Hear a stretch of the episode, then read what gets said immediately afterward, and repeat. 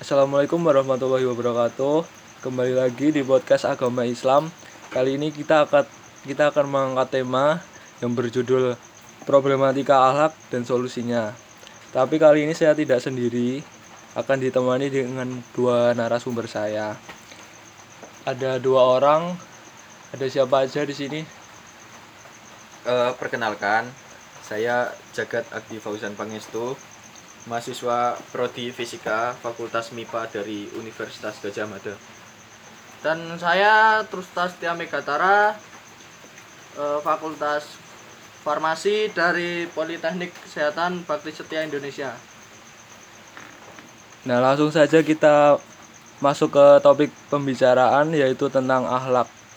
Jadi di sini Mas Jagat sama Mas Rusta akhlak itu menurut kalian apa sih? Eh, kalau menurut saya sendiri, akhlak itu suatu tingkah laku yang nanti pemikiran yang muncul dari otak kita yang akan menuntun kita tuh ke arah perbuatan yang baik atau yang buruk. Jadi intinya akhlak itu menurut saya tingkah laku dari oh, manusia tersebut sendiri. Nah, kalau Mas Rusta bagaimana? Kalau menurut saya sih akhlak itu lebih ke tingkah laku seseorang di mana dia akan baik atau buruk. Nah, tapi dia itu didorong dari keinginan dari hati sendiri. Jadi ketika hatinya dia pengennya baik, ya akhlak itu akan baik dan sebaliknya. Nah, kita kan mahasiswa. Jadi penting gak sih akhlak bagi kalangan mahasiswa ini? Ya menurut saya dengan perkembangan zaman pada saat ini mengingat banyak seka- di Indonesia sendiri kan persentase anak muda remaja se- seumuran mahasiswa sendiri mencapai lebih dari 30% kalau tidak salah.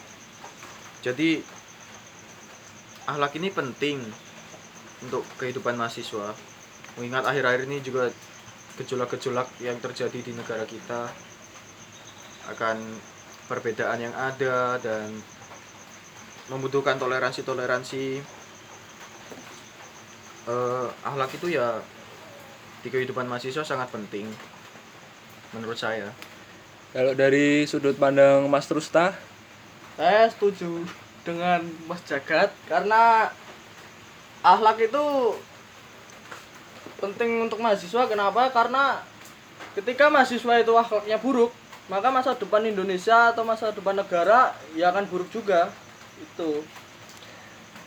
terus kalau kita membahas toleransi, kan di Indonesia banyak sekali agama. Apakah akhlak itu ada hubungannya dengan toleransi beragama di Indonesia? Eh, tentu saja ya mengingat akhlak Rasul kita sendiri Nabi Muhammad Shallallahu Alaihi Wasallam beliau ini dulu di Madinah membebaskan semua manusia di sana kebebasan untuk memeluk agama dan tidak ada pemaksaan untuk masuk Islam. Jadi ya akhlak ini berhubungan dengan toleransi ya. Jadi eh, apalagi kan ini merupakan akhlak dari Rasul yang patut kita contoh. Dengan Indonesia juga kan beragam mahasiswanya juga dari berbagai macam suku agama budaya yang berbeda ya tentu saja kita satu sama lain ya harus meningkatkan toleransi di antara kita sehingga tidak memecah belah bangsa lah Kalau pendapat dari Mas Rusta tentang akhlak yang berhubungan dengan toleransi ini bagaimana? Jelas itu, toleransi dan akhlak itu tidak bisa dipisah. Karena kita hidup di manusia modern. Dan setiap orang memiliki akhlak yang berbeda-beda. Dan ketika akhlak itu berbeda-beda, di mana itu akan muncul toleransi manusia itu. Nah, setiap perilaku kan memiliki dampak. Apakah dampak akhlak ini bagi sesama manusia di kehidupan ini, Mas Jagat? Eh, jika menyambung dengan toleransi yang tadi bahwa yang perlu kita ingat non muslim itu mereka tidak membaca Al-Qur'an. Tidak juga membaca eh, riwayat-riwayat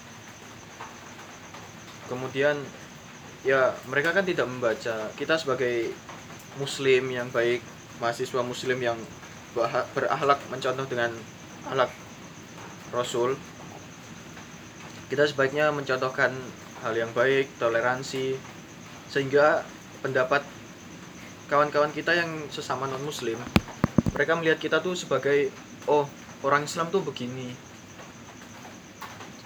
Mereka tuh baik sebenarnya tidak ada yang buruk gitu. Terus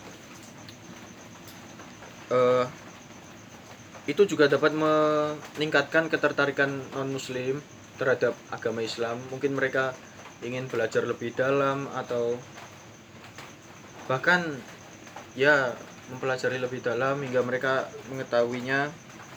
Saya pikir dampaknya cukup besar jika kita mencontohkan yang baik terhadap kawan-kawan yang non muslim Kalau dari Mas Trusta sendiri dampaknya nih bagaimana? dampaknya berpengaruh sangat besar sih untuk sesama.